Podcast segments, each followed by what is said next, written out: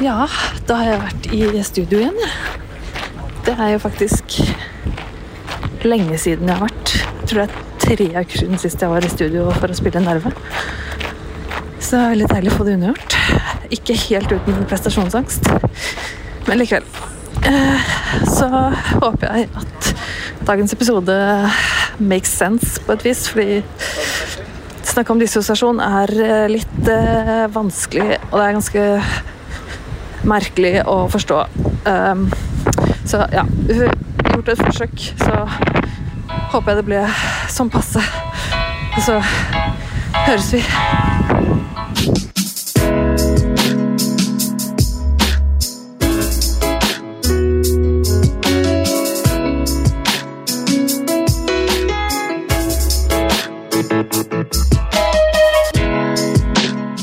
Ok.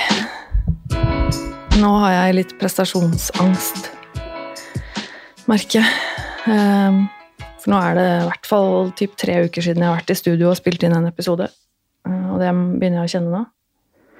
At jeg er litt sånn åh, jeg føler jeg må prate så innmari at jeg må være så flink, så jeg må bare slappe av litt. Grann.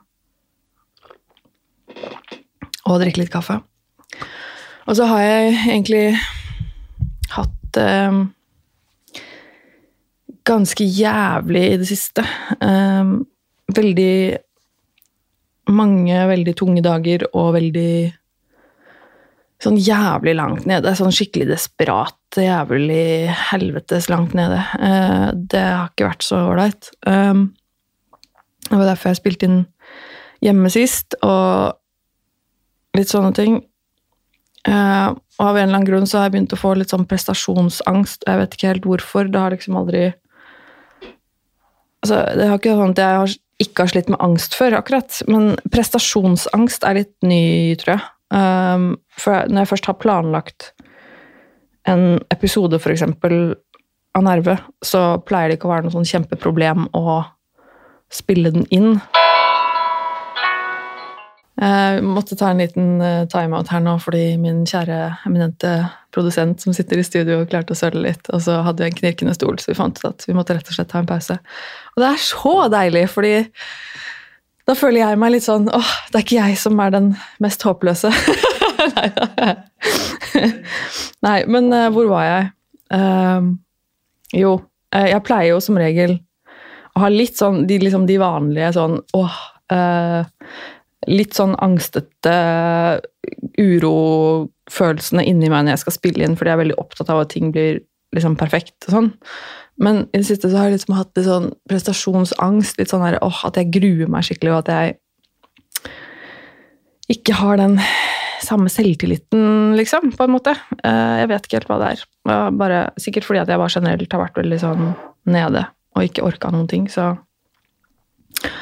Men ja, åh, jeg trenger ikke å snakke så mye om det, egentlig. Um, Men jeg merka jo at jeg At jeg bare måtte ta noen timeouter, og jeg satt jo her eh, og i helgen og skulle spille inn en, en video, en, eh, en ny episode av den eh, Jeg har jo en eh, YouTube-kanal sammen med Gunnar Tjomli også, som vi lager litt sånn tullevideoer sammen, eh, som heter Greit nok for en fisk, den eh, kanalen.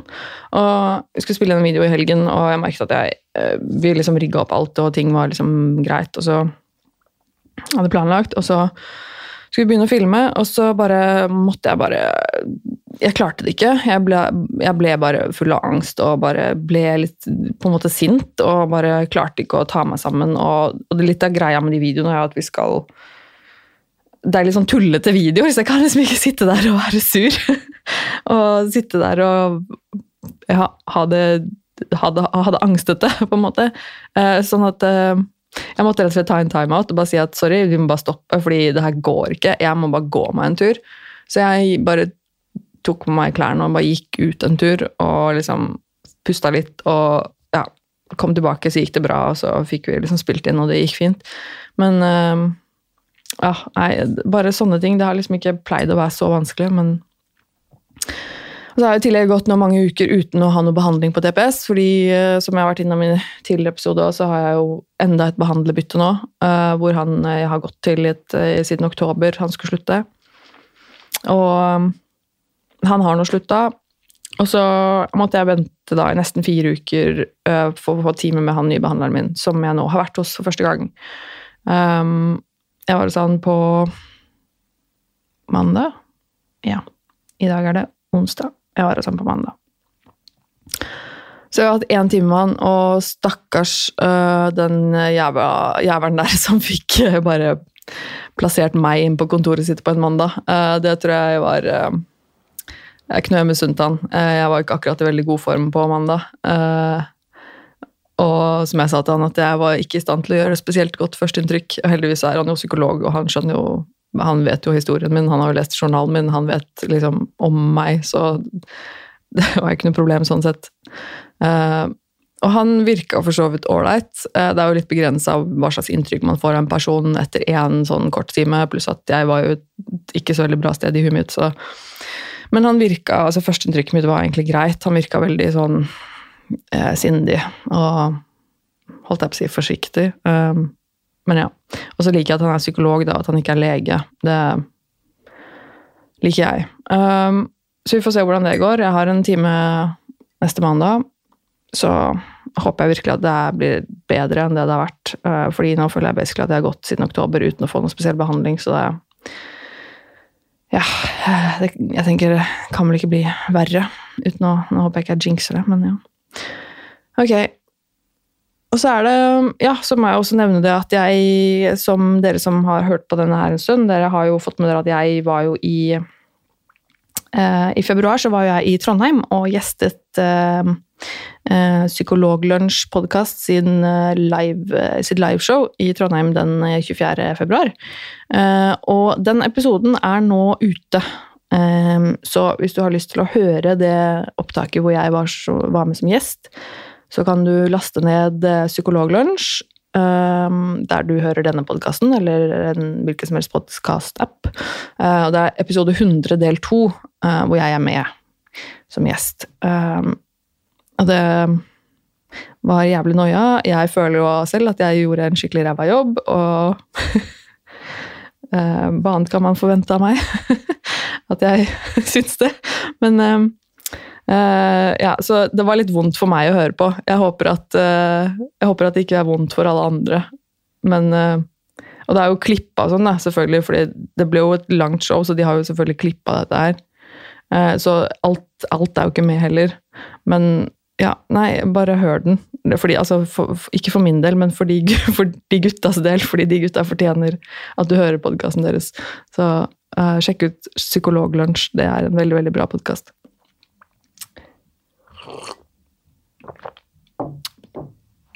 Ok. Jeg skal prøve å stupe litt inn i det jeg tenkte jeg skulle snakke om i dag. Uh, som er et uh, psykologisk fenomen som jeg syns er veldig interessant og veldig fascinerende, men litt sånn vanskelig. Um, jeg tenkte jeg skulle snakke litt om dissosiasjon. Og det um, Jeg tror ikke jeg har snakket om det i denne podkasten her før. Um, det er jo litt sånn Ja det er fortsatt ganske mye man vel egentlig ikke vet om dissosiasjon, og jeg tror det er litt sånn De strides vel litt sånn innad i, uh, i uh, psykologien om uh, eh, 100% om hva det er, og hvordan det funker, og litt sånne ting. Men jeg har litt lyst til å snakke om det, fordi jeg har jo litt grann erfaring med det. Um, og det er veldig fascinerende, syns jeg. Da. Så jeg tenkte ok, vi kan, vi kan, prøve å snakke litt om det, så får vi se hvordan det går. Jeg har notert meg litt her. Så vi prøver. Um, og dissosiasjon er en sånn ting jeg ikke egentlig ante noen ting om før uh, liksom ganske nylig, et par år siden. Uh, og det eneste jeg visste om det, var liksom typ sånn Man ser på filmer hvor det er sånn uh, uh, folk med to personligheter og de greiene der, liksom. Uh, som jo er satt veldig på spissen. Um, men dissosiasjon og dissosiative lidelser um, dreier seg jo om altså Dissosiasjon betyr jo det motsatte av assosiasjon. Så det er jo på en måte det å koble fra istedenfor å he, koble sammen. så det er jo en, en slags ubevisst evne som hjernen har til å koble fra. Uh, om det er på en måte oppfatninger eller opplevelser. Uh, og det er veldig uh, selvfølgelig her også viktig å skille mellom først hva som er en dissosiativ lidelse, og hva som er en dissosiativ opplevelse eller en symptom, liksom. Fordi mange kan ha milde dissosiative opplevelser uten at det er noe uten at det er noe sykt, uten at du er syk eller har en diagnose av den grunn. Og det kan være eh, Det kan være ting eh, som at man eh, handler på automatikk, f.eks. At man gjør ting helt automatisk. Eh, og man kan eh, bli veldig eh, oppslukt i noe som man glemmer deler av det man har gjort. Altså at man glemmer deler av en biltur, f.eks. Det er sikkert mange som har opplevd det at man er ute og kjører, og så blir man veldig oppslukt av noe, og så kan man plutselig glemt liksom, Oi, shit. Nå har jeg handlet helt på automatikk og har helt glemt hva jeg har gjort, eller hvor jeg har vært. Um, men det som på en måte skiller litt, det som er det mer alvorlige, er jo da at man um, At man ikke har noen form for opplevelse av den hendelsen etterpå. At man da uh, La oss si du har uh, gjort noe, eller opplevd noe, eller um, og så, og så kan, og så, En ting er at du ikke husker det, men at du heller ikke klarer å koble deg selv til den hendelsen etterpå.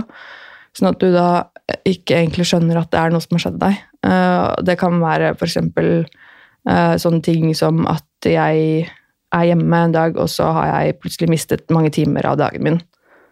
Uh, sånn at jeg plutselig bare litt kommer kommer til meg selv litt, og så er jeg uh, hjemme, og så er det bare sånn Shit, oi, har det, har det gått fire timer? Oi, hva, hæ? hva er det jeg driver med i fire timer? Og, og så blir jeg litt forvirra, og så kan jeg liksom se at jeg egentlig har kanskje dratt ut klærne av vaskemaskinen. Og så kan jeg overhodet ikke huske at jeg har gjort det, liksom.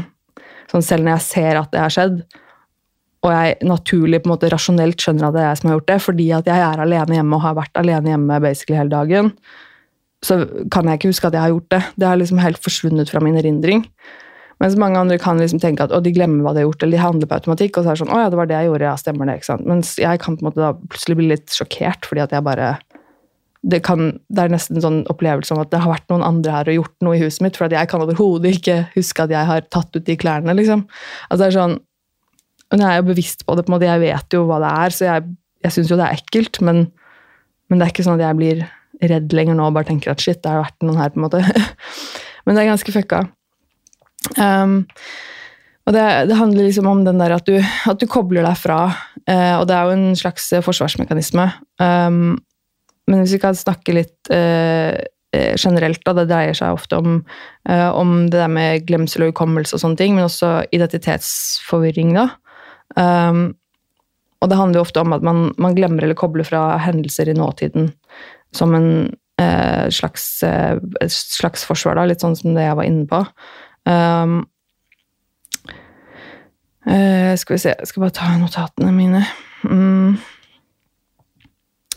Og det eh, kan også være noe med at man eh, eh, Som et forsvar så hender det at hvis man er utsatt for veldig, veldig overveldende uh, hendelser uh, som man på en måte ikke klarer å takle, så kan hende man dissosierer. At man på en måte kobler seg vekk fra den hendelsen som et forsvar for å takle det.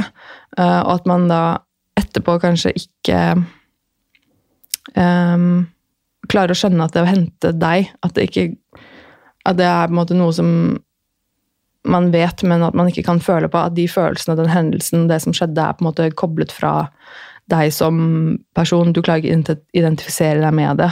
Eh, og at du blir rett og slett helt atskilt fra den hendelsen. At det på en måte ikke um, ehm, fins i din virkelighet. Det er veldig vanskelig å forklare. Um, at man kan uh, oppleve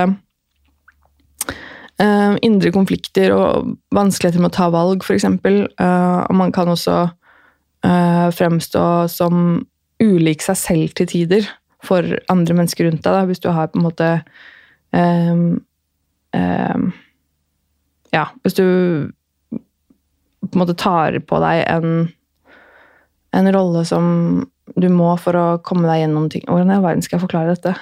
Det blir ekstremt vanskelig. ok. Um, eller det kan oppleves som at eh, omverdenen forandrer seg. Um, at du rett og slett opplever at uh, ting rundt deg blir uh, ukjente. Um,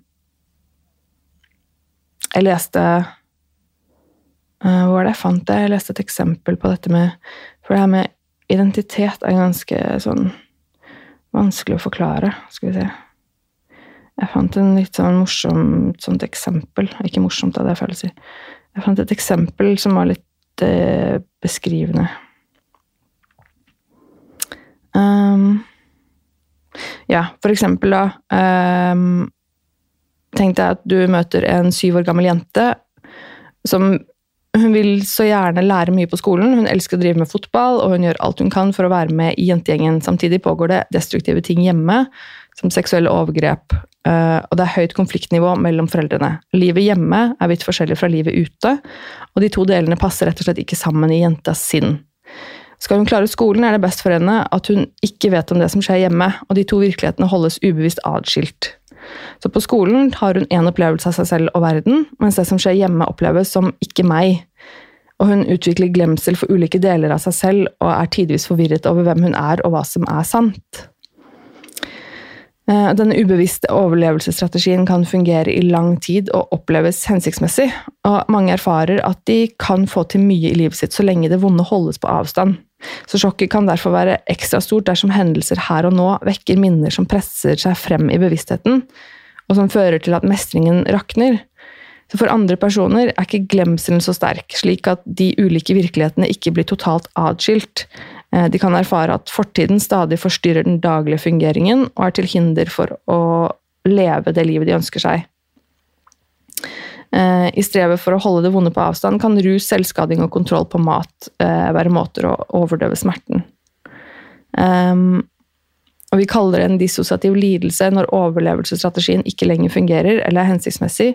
De to hovedsymptomene er glemsel og identitetsforvirring. Identitetsforveksling, da. Um, det, jeg syns det er en ganske bra uh, måte å forklare det på, for det, det er jo noe med at du på en måte må koble deg fra en del som du ikke er i stand til å takle.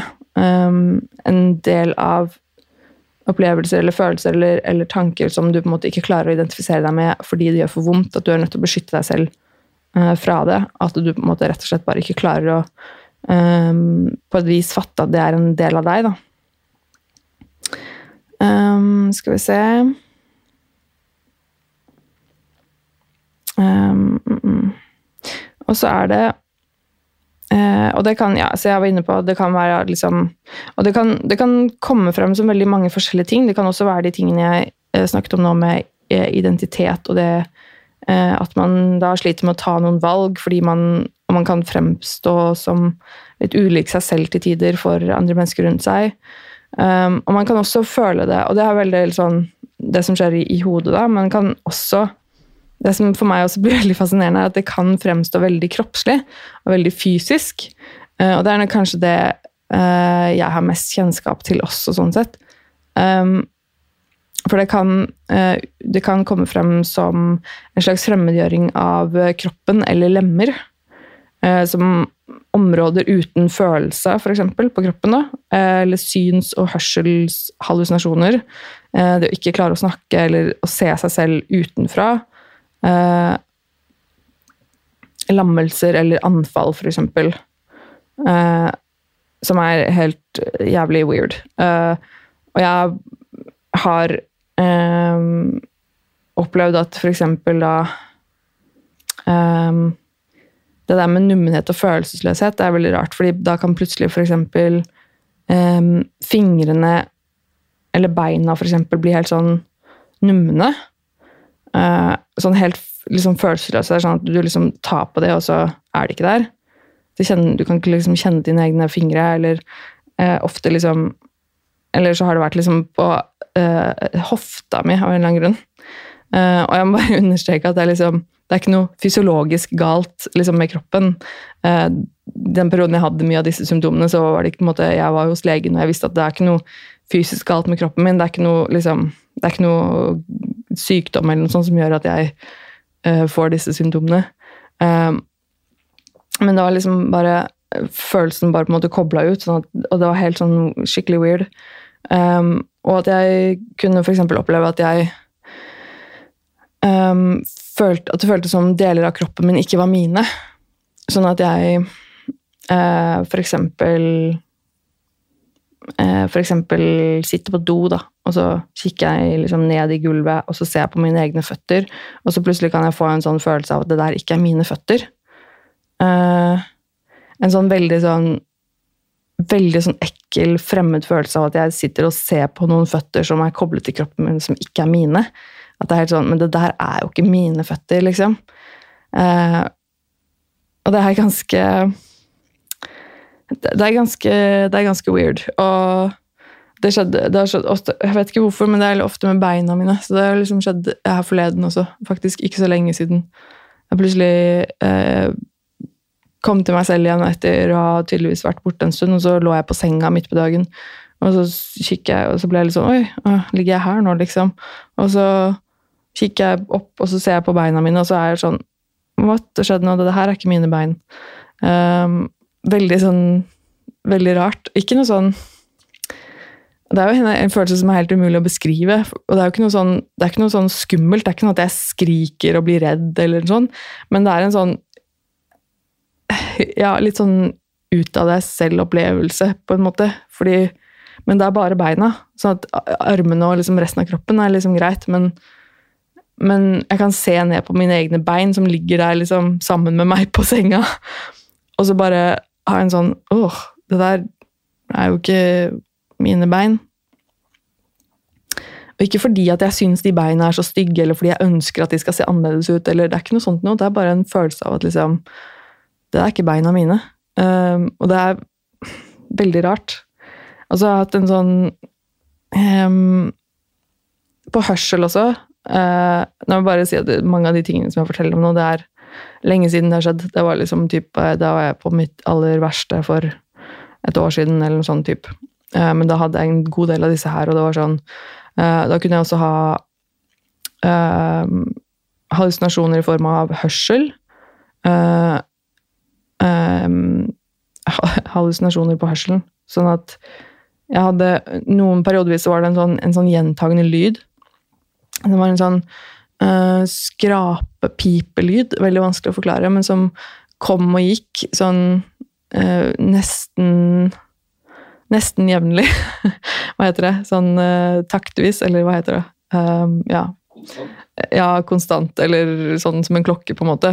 Sånn at det kommer liksom med jevne mellomrom. Uh, uten å være sånn 100 på takt.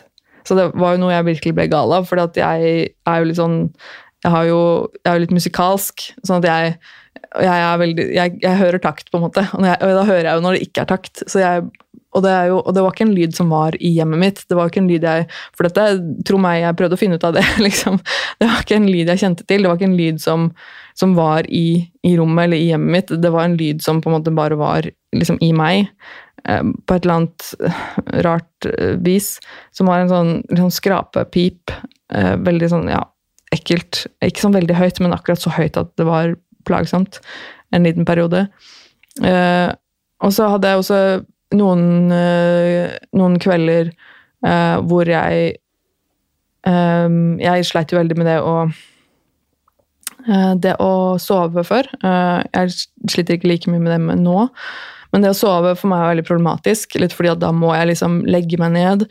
Da må jeg være alene med tankene mine. Da må jeg liksom klare å slappe av, da må jeg liksom klare å, å sove. Og da, da blir det stille, og da må jeg liksom da blir jeg veldig al liksom alene med mine egne tanker, og det er ofte veldig skummelt. Um, og da var det en periodevis, eh, periode hvor jeg, hvis jeg hadde hatt det eh, vanskelig, og ble liksom liggende og kanskje klare å måte prøve å sove, og så hadde jeg periodevis hvor jeg da hørte en sånn stemme som uh, Som plutselig kunne vekke meg ved at, jeg, at den stemmen sa navnet mitt, eller sa nei. Uh, ikke noe sånn skrik eller noe sånt, men det var sånn veldig sånn bestemt. Som passe, sånn passe høyt, holdt jeg på å si. Um, som bare var ganske høyt, sånn at det var ikke noe tvil om at, at Fordi at jeg skvatt. Sant? det var den jeg skvatt liksom, at jeg våkna til. Og så Nei, det var helt, eh, helt fucka. Um, uh, og så Som jeg nevnte tidligere, så har det på en måte vært at jeg plutselig blir borte i noen timer. Uh, den er ganske um, klassisk, egentlig. Jeg har opplevd mye vanskeligheter med det med tid. At jeg syns tid er litt vanskelig å forholde seg til. fordi tiden er så innmari lite konstant, på en måte. At den er ikke en sånn Sånn som den kanskje for mange andre oppleves som en sånn jevn sånn I forhold til at eh, timer, dager, uker, år Det er på en måte en slags jevn Mer eller mindre jevn opplevelse av det. Av hva en time er, for eksempel. Um, mens jeg kan ha liksom ekstreme forskjeller der i forhold til at uh, jeg kan sitte og liksom føle at det har gått fem minutter, og så har det gått fem timer. Uh, hvor jeg da basically har sittet helt stille og bare sett i en vegg, f.eks., og så har jeg egentlig ikke vært til stede her og da. Uh, der og da, og så har det gått typ fem timer. Altså, og så kommer jeg til meg selv igjen, og så bare skjønner jeg overhodet ingenting. Altså litt sånne rare ting som det. Um, og at jeg kan gjøre ting uten å ha husket at jeg gjør det. For eksempel, jeg fortalte om tidligere med at jeg da har tømt vaskemaskinen for klær, for eksempel, da. Uh, uten å overhodet huske at jeg har gjort det, men det må jeg liksom ha gjort. Uh, og sammen med bare én hendelse hvor jeg hadde gått ut, kledd på meg og gått ut av huset hjemme, og så hadde jeg nesten blitt påkjørt fordi jeg hadde bare gått ut i veien. Og det er sånn ganske ekstreme tilfeller eh, hvor jeg da på en måte plutselig blir vekket av at jeg basically har en, nesten en bil over meg fordi jeg har gått rett ut i veien og har overhodet ingen erindring av at jeg har kledd på meg eller gått ut i det hele tatt, så jeg skjønner jo absolutt ingenting. Det er veldig, veldig sært. Um, og det som veldig mange eh, kanskje har hørt om når det gjelder dissosiasjon, er det med å se seg selv utenfra. Uh, og at man kan få en slags uh, ut av seg selv-opplevelse, f.eks. Eh, det tror jeg det er veldig mange som har hørt om, og det høres jo høres jo veldig sånn jeg syns alltid det hørtes veldig sånn overtroisk ut. på en måte. Det høres veldig sånn At man Ja, det, det høres jo helt fake ut. Uh, og, og, det er jo litt fordi at det er veldig vanskelig Det er veldig vanskelig å forklare det.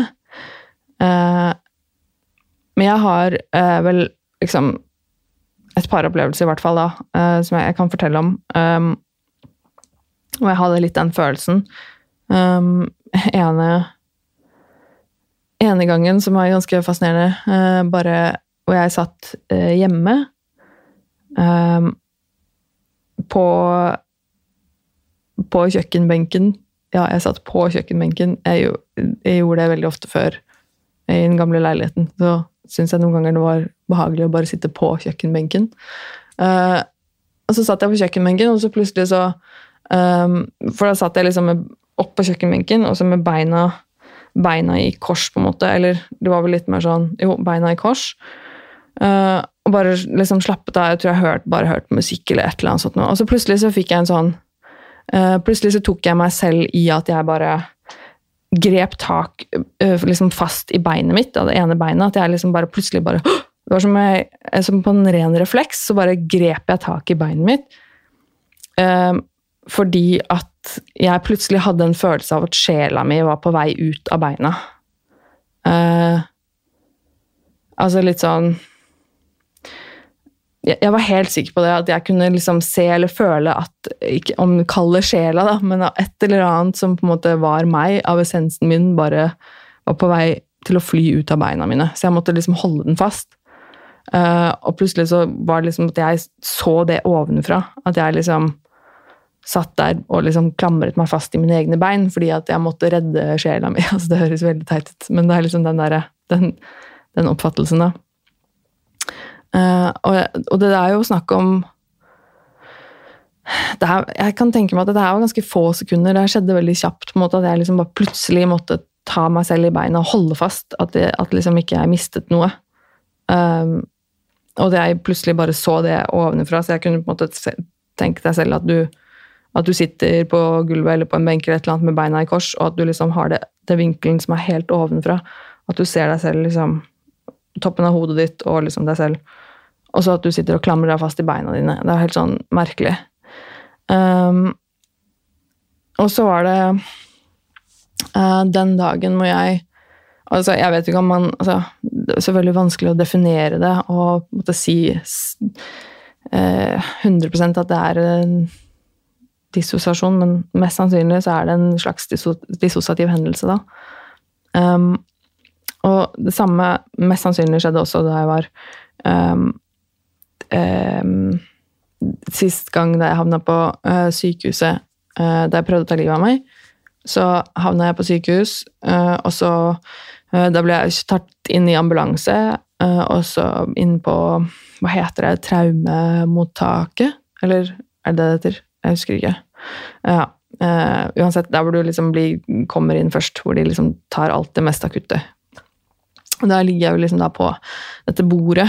ehm, og- de liksom Jeg tror jeg har vel fortalt om dette her i podkasten tidligere, er ikke det? Hvor jeg forteller om hvor de klipper av meg klærne og alt det der greiene der. Ja, som var så jævlig. Og den opplevelsen der, den var virkelig eh, veldig traumatisk for meg. Og jeg husker veldig godt at jeg eh, at jeg så meg selv fra en annen vinkel. Så når jeg lå på det bordet der, så hadde jeg en, en Og det som er litt rart, er jo fordi at jeg Det er eksempel det med at de klipper av meg klærne, fordi de, de klippet jo opp klærne mine sånn oppover magen, på en måte, opp fra magen oppover langs brystet. Eh, og jeg lå jo på bordet, eh, helt flatt ut på bordet, og jeg hadde også på meg en, en eh, krage på nakken, og var veldig sånn statisk, så jeg kunne ikke bevege meg. Eh, Så jeg så jo Fysisk så så jo jeg liksom rett opp i taket på alle de lysene og utstyrene som var på en måte opp i taket.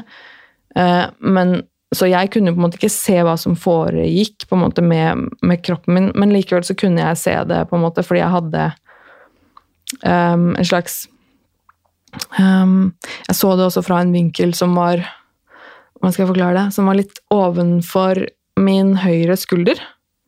Uh, så de som, de som ser på dette på YouTube, kan se meg litt sånn fjoste akkurat nå. At jeg liksom, det er her, uh, litt ovenfor min høyre skulder, så hadde jeg på, nesten som jeg hadde et slags ekstra hode der, som på en måte så litt skrått nedover meg selv. På meg selv, på en måte. Eh, at, veldig vanskelig å forklare. Men så jeg kunne Jeg hadde, jeg hadde liksom flere vinkler. Eh, vanskelig å forklare. Men ja. Og det er litt den Så jeg kunne på en måte da se at de klippet opp klærne mine, selv om jeg egentlig ikke kunne se det. Ja, det er veldig rart. Jeg vet jo ikke hvorfor det skjedde, men det er jo mest sannsynlig da fordi at eh, det ble en så stor påkjenning at eh, jeg dissosierer på et vis. For å beskytte meg selv fra den opplevelsen, så må jeg på en måte ubevisst da, eh, koble fra det. Sånn at jeg ikke tar det innover meg, fordi at det er for stort og for mye og for vondt å ta innover seg. Eh, og det er jo også mange andre som har forklart det eh, i hendelser som har vært dramatiske, at de har på en måte sett seg selv kanskje litt utenfra. Um, at de har store perioder hvor de har, som de har glemt med hendelsene, f.eks. For eksempel, fordi de kanskje har dissosiert fra det på et vis. At det, at det ikke kjennes ut som noe de har opplevd, fordi det går liksom ikke an. Det er for vondt å ta inn over seg. Um, veldig vanskelig å forklare, og det er også veldig mye man nok ikke vet om dette her også. Og det er jo Jeg er jo ikke fagperson, så jeg, har jo på en måte bare, jeg vet jo bare det jeg har lest, og det jeg har opplevd. Eh, Men jeg bare syns det er veldig fascinerende. Um, og så har det også skjedd eh, noen ganger eh, som også faktisk tidvis skjer forholdsvis ofte fremdeles, det er jo at jeg Hvis jeg får veldig, veldig sterk angst, eller spesielt hvis jeg får litt sånn panikkanfall eller sånne ting, så sliter jeg veldig med Så kan jeg, så kan jeg få liksom lammelser i stemmen, da. Uh, liksom etterpå, eller mens, eller in, iblant. Uh, eller det trenger for, ja, for så vidt ikke nødvendigvis være når jeg får panikkangst, eller Uh, men ja, det hender liksom iblant hvis um, at jeg blir liksom lammet i stemmen, at jeg ikke klarer å snakke. Uh, at det at det er noe som at jeg, at jeg, tenker at nå snakker jeg, eller jeg tenker at nå, nå, skal jeg snakke, eller jeg vet på en måte hva jeg skal si, men jeg klarer ikke å fysisk snakke. Så det er på en måte Det er lammet Hele liksom Mekanismen i halsen min på en måte er er lammet. Så det, det, kom, det, kommer ikke noe ut. Jeg klarer ikke å snakke. Altså, det er veldig fucka. Um, det skjer heldigvis ikke så ofte, det her. Og uh, det, som, det som også er uh, litt greia med meg og det her, da, at jeg, jeg, fikk, jeg, har aldri fått den diagnosen. Jeg har aldri fått en diagnose dissosiativ lidelse. Uh, jeg har aldri blitt utredet sånn sett for det, fordi da Altså, da jeg opplevde de verste tingene um, av dette her, da, så var det uh, da for typ et år siden cirka. Uh, da gikk jeg uh, i behandling på DPS, um, men da var jeg også ganske dårlig i form av min spiseforstyrrelse. Da. da hadde jeg veldig Da hadde jeg jo anoreksi og var veldig veldig dårlig. Jeg var veldig fysisk eh, dårlig. Og da er det vanskelig å, skille det litt. Eh, så det, Jeg snakket jo med psykologen min på den tiden om det også, og han eh, sa jo også det at det blir vanskelig å utrede for en dissosiativ lidelse i den tilstanden jeg var i, fordi at det er veldig vanskelig å si om det kanskje kom av at jeg var såpass dårlig eh, og utsulta Eh, fordi det, det, å sulte seg det påvirker også hjernen i veldig stor grad. Uh, og da er det veldig, veldig vanskelig å utrede for en sånn type lidelse mens jeg på en måte er så utsulta med spiseforstyrrelser. Så det er på en måte Mest sannsynlig så er det noen dissosiative lidelser eller symptomer, eller hva man skal kalle det. Men det er jo ikke sånn at jeg har fått den diagnosen for det. Um, og heldigvis er ikke det noe jeg opplever veldig ofte nå lenger. Uh, jeg uh, har liksom periodevis uh, Periodevis hvor jeg Hvis jeg er dårlig, som f.eks. nå de siste par ukene, så har jeg hatt det ganske tungt. Da har det vært enkelte, enkelte dager hvor jeg har liksom vært hjemme en dag, da, så plutselig så bare Oi, shit. jeg har plutselig bare Plutselig har mange timer forsvunnet uh, liksom fra hodet mitt, og jeg ikke har vært uh, til stede. Uh, og ikke helt vet hva jeg har drevet med. Og plutselig er, liksom, er, det kveld, og så har jeg ikke visst hva jeg har gjort i mellomtiden. Altså, litt sånne ting. Men det er ganske mm, ganske milde ting, holdt jeg på å si, da. Um, um, men det, jeg syns bare det er veldig fascinerende. Jeg tror jeg kanskje forklarte alt sammen veldig veldig klønete nå. Men det er litt komplekst. Um, men uh, ja um, Så glemmer jeg kaffen min, selvfølgelig. Um, hvor lenge har jeg snakka nå? Jeg har vel snakka en Jeg glemmer alltid å sjekke klokka.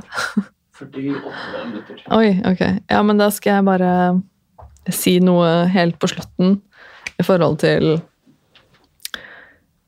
det jeg nevnte litt innledningsvis, i form av det at jeg har fått litt sånn prestasjonsangst. Uh, og jeg tror Jeg tror jeg merker det Jeg tror det har noe med min selvtillit å gjøre. At når jeg er dårlig eller har en dårlig periode, så er det veldig lett å få dårlig selvtillit. Uh, og jeg uh, Jeg syns jo det er verdt å snakke om litt den forskjellen mellom selvtillit og selvfølelse. Uh, fordi jeg merker med meg selv at jeg ganske ofte har ganske god selvtillit. Jeg kan ha veldig god selvtillit i, i perioder, og kan tenke at jeg mestrer eh, ting, jeg mestrer oppgaver, jeg har tro på at jeg klarer å gjøre de tingene som jeg skal gjøre. Jeg har liksom, hvis jeg har planlagt å gjøre det og det og det, uh, har noen oppgaver som jeg skal fikse, så er det ofte at jeg har tro på at det klarer jeg å gjøre.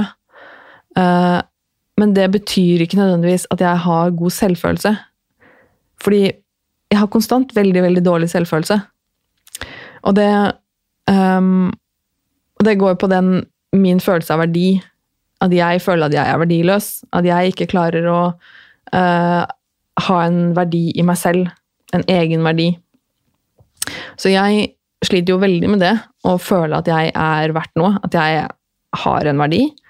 Men kan likevel ha en veldig god selvtillit på at jeg mestrer ting. Eh, For jeg vet at jeg eh, kan gå på veldig sånn på automatikk og kan være veldig sånn eh, kontrollfrik og få utført oppgaver og mestre ting, men det å likevel kunne Jeg klarer ikke å likevel å omsette selvtillit til selvfølelse. Og det skulle jeg nok klare gjerne klart å gjøre. Å omsette den selvtilliten til en følelse av at jeg er verdt noe. Og ta de utvendige, la oss si det da, utvendige prestasjonene mine, de tingene jeg mestrer å gjøre, at jeg kan omsette de til en verdi om at jeg er verdt noe, at jeg klarer noe, at jeg mestrer noe, at det også er noe som jeg kan være stolt av i meg selv. For det, det klarer jeg ikke. Eh, Jeg har en veldig sånn grunnleggende eh, mening om at jeg er ikke verdt noen ting hvis ikke jeg er verdt noe for noen andre. Eh, Så hele min verdi for meg ligger jo utenfor meg selv. Så jeg er jo ikke verdt noe hvis ikke jeg har mennesker som er glad i meg, hvis ikke jeg har ting som er fine, hvis ikke jeg har altså alt, alle de tingene og menneskene rundt meg utenfor meg selv, eh, er det som betyr noe for at jeg skal ha en verdi. Eh, og det er jo et stort problem, selvfølgelig, fordi jeg føler ikke at jeg har noen verdi i meg selv. Sånn for meg, for meg så har ikke jeg noen verdi bare fordi jeg er meg. Og det skulle jeg ønske at jeg klarte. Og det er noe jeg jobber med, å ta de tingene som er rundt meg, de tilbakemeldingene jeg får, f.eks., de tingene jeg mestrer å gjøre, det at jeg har mennesker som liker meg, og mennesker som er glad i meg, det å ta det og omsette det innover, og ta det inn i meg selv, og føle på at det har noe med meg å gjøre, at det er fordi jeg er verdt noe, det er det jeg må jobbe med, da. Og det så det kan virkelig være ekstremt stor forskjell mellom selvtillit og selvfølelse. Og jeg tror nok jeg er et ganske godt eksempel på det. Og hvis jeg ikke hadde hatt selvtillit, så hadde jeg nok ikke klart å mestre f.eks. gjøre denne podkasten her. Jeg hadde ikke klart å eh, komme meg ut av døra engang, egentlig. Så jeg skal eh, selvfølgelig mye cred til min selvtillit og min kontrollfrik i meg og alt det der. Eh, for den, det gjør at jeg klarer å gjøre ganske mye. Jeg klarer å mestre og produsere og, og gjøre ting. Men jeg skulle jo virkelig virkelig ønske at jeg klarte å kjenne på det på et sted inni meg. At jeg klarte å omsette det til en verdi i meg selv. Eh, For det syns jeg er ordentlig vanskelig. Så de tilbakemeldingene jeg får sånn, fra dere for eksempel, som hører på, de betyr jo enormt mye for meg. Og det gir meg en veldig motivasjon til å presse videre, selv om det er vanskelig å lage podkast, så fortsetter jeg. Og det betyr veldig mye for meg å høre at podkasten min for eksempel, er verdt noe for dere der ute. Eh, og så prøver jeg veldig, veldig veldig hardt, og for hver gang jeg får tilbakemelding, for eksempel, så prøver jeg veldig veldig hardt å, å ikke avvise det på en måte med en gang. Fordi det er jo det jeg veldig gjerne vil. Da. Så hvis noen gir meg et kompliment eller sier at det her var bra, eller var, du var flink til å gjøre sånn og sånn, eller et eller annet, så er det veldig veldig lett for meg nærliggende å bare eh, Ja, ja, bare skyv det unna. Og bare Du har misforstått, liksom. Eh, nei, det var ikke så bra. Eller nei, det er egentlig ikke sånn. Eller eh, Fordi at det, det er ikke noe jeg tror på inni meg. Så det jeg prøver å gjøre, er at eh, det min min, jeg og min forrige psykolog snakket om, som jeg syns er en veldig fin ting, eh, er at jeg, når jeg får eh, tilbakemelding eller kompliment, eller hva det skal være, eh, så er det, det er vanskelig å selvfølgelig bare å bare snu om på det, og bare ta det til meg og tro på det. Det er, det er jo noe man må øve på. Så det jeg gjør, da, er at jeg lar det henge. Så når noen La oss si at jeg får et kompliment min vei, så er det min, mitt instinkt er å bare skyve det unna. Ikke om jeg gjør det nødvendigvis eh, verbalt, eh, liksom, men, men i meg selv så bare skyver jeg det unna. Men jeg øver på å ikke gjøre det. Jeg skal bare la det henge der. Liksom Visualisere det litt. Bare ok, la det henge i lufta. La det være der. Ikke slå det unna, men bare la det være der. Og det å ta det inn er veldig vanskelig, det går liksom ikke. Så ikke nødvendigvis bare gjør, ikke gjør det heller, ikke, ikke krev det, men bare la det henge der. Og så kan du jobbe med å liksom ta det inn litt etter litt. Så, det, så jeg tenker at min Jeg prøver å se for meg at min, mitt, min luft rundt meg blir litt sånn full av positive ting eh, som folk gir meg. Og så jobber jeg sakte, men sikkert med å ta det litt inn. Så istedenfor å dytte det unna, så bare lar jeg det være der. Og så prøver jeg å ta det litt innover. Sånn litt etter litt. Um, så ja. Kanskje jeg skal avslutte der. det fins det å avslutte, føler jeg. Så, uh, så skal jeg også si takk til alle dere som hører på, uh, og som gir meg tilbakemeldinger, fordi det betyr veldig, veldig mye for meg. Og til dere som uh, ser på YouTube.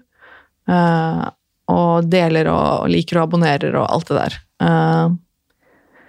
Uh, oh, jeg syns det er så kleint å si det hver gang, men uh, tusen takk for at du hører på. forhåpentligvis så er jeg tilbake igjen i studio neste uke. Og så, og så snakkes vi da. ha det!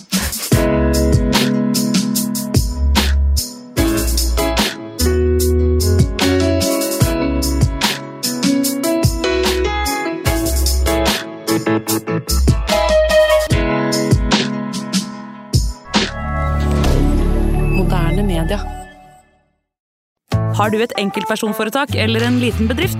Da er du sikkert lei av å høre meg snakke om hvor enkelt det er med kvitteringer og bilag i fiken, så vi eh, gir oss her, vi. Fordi vi liker enkelt. Fiken superenkelt regnskap.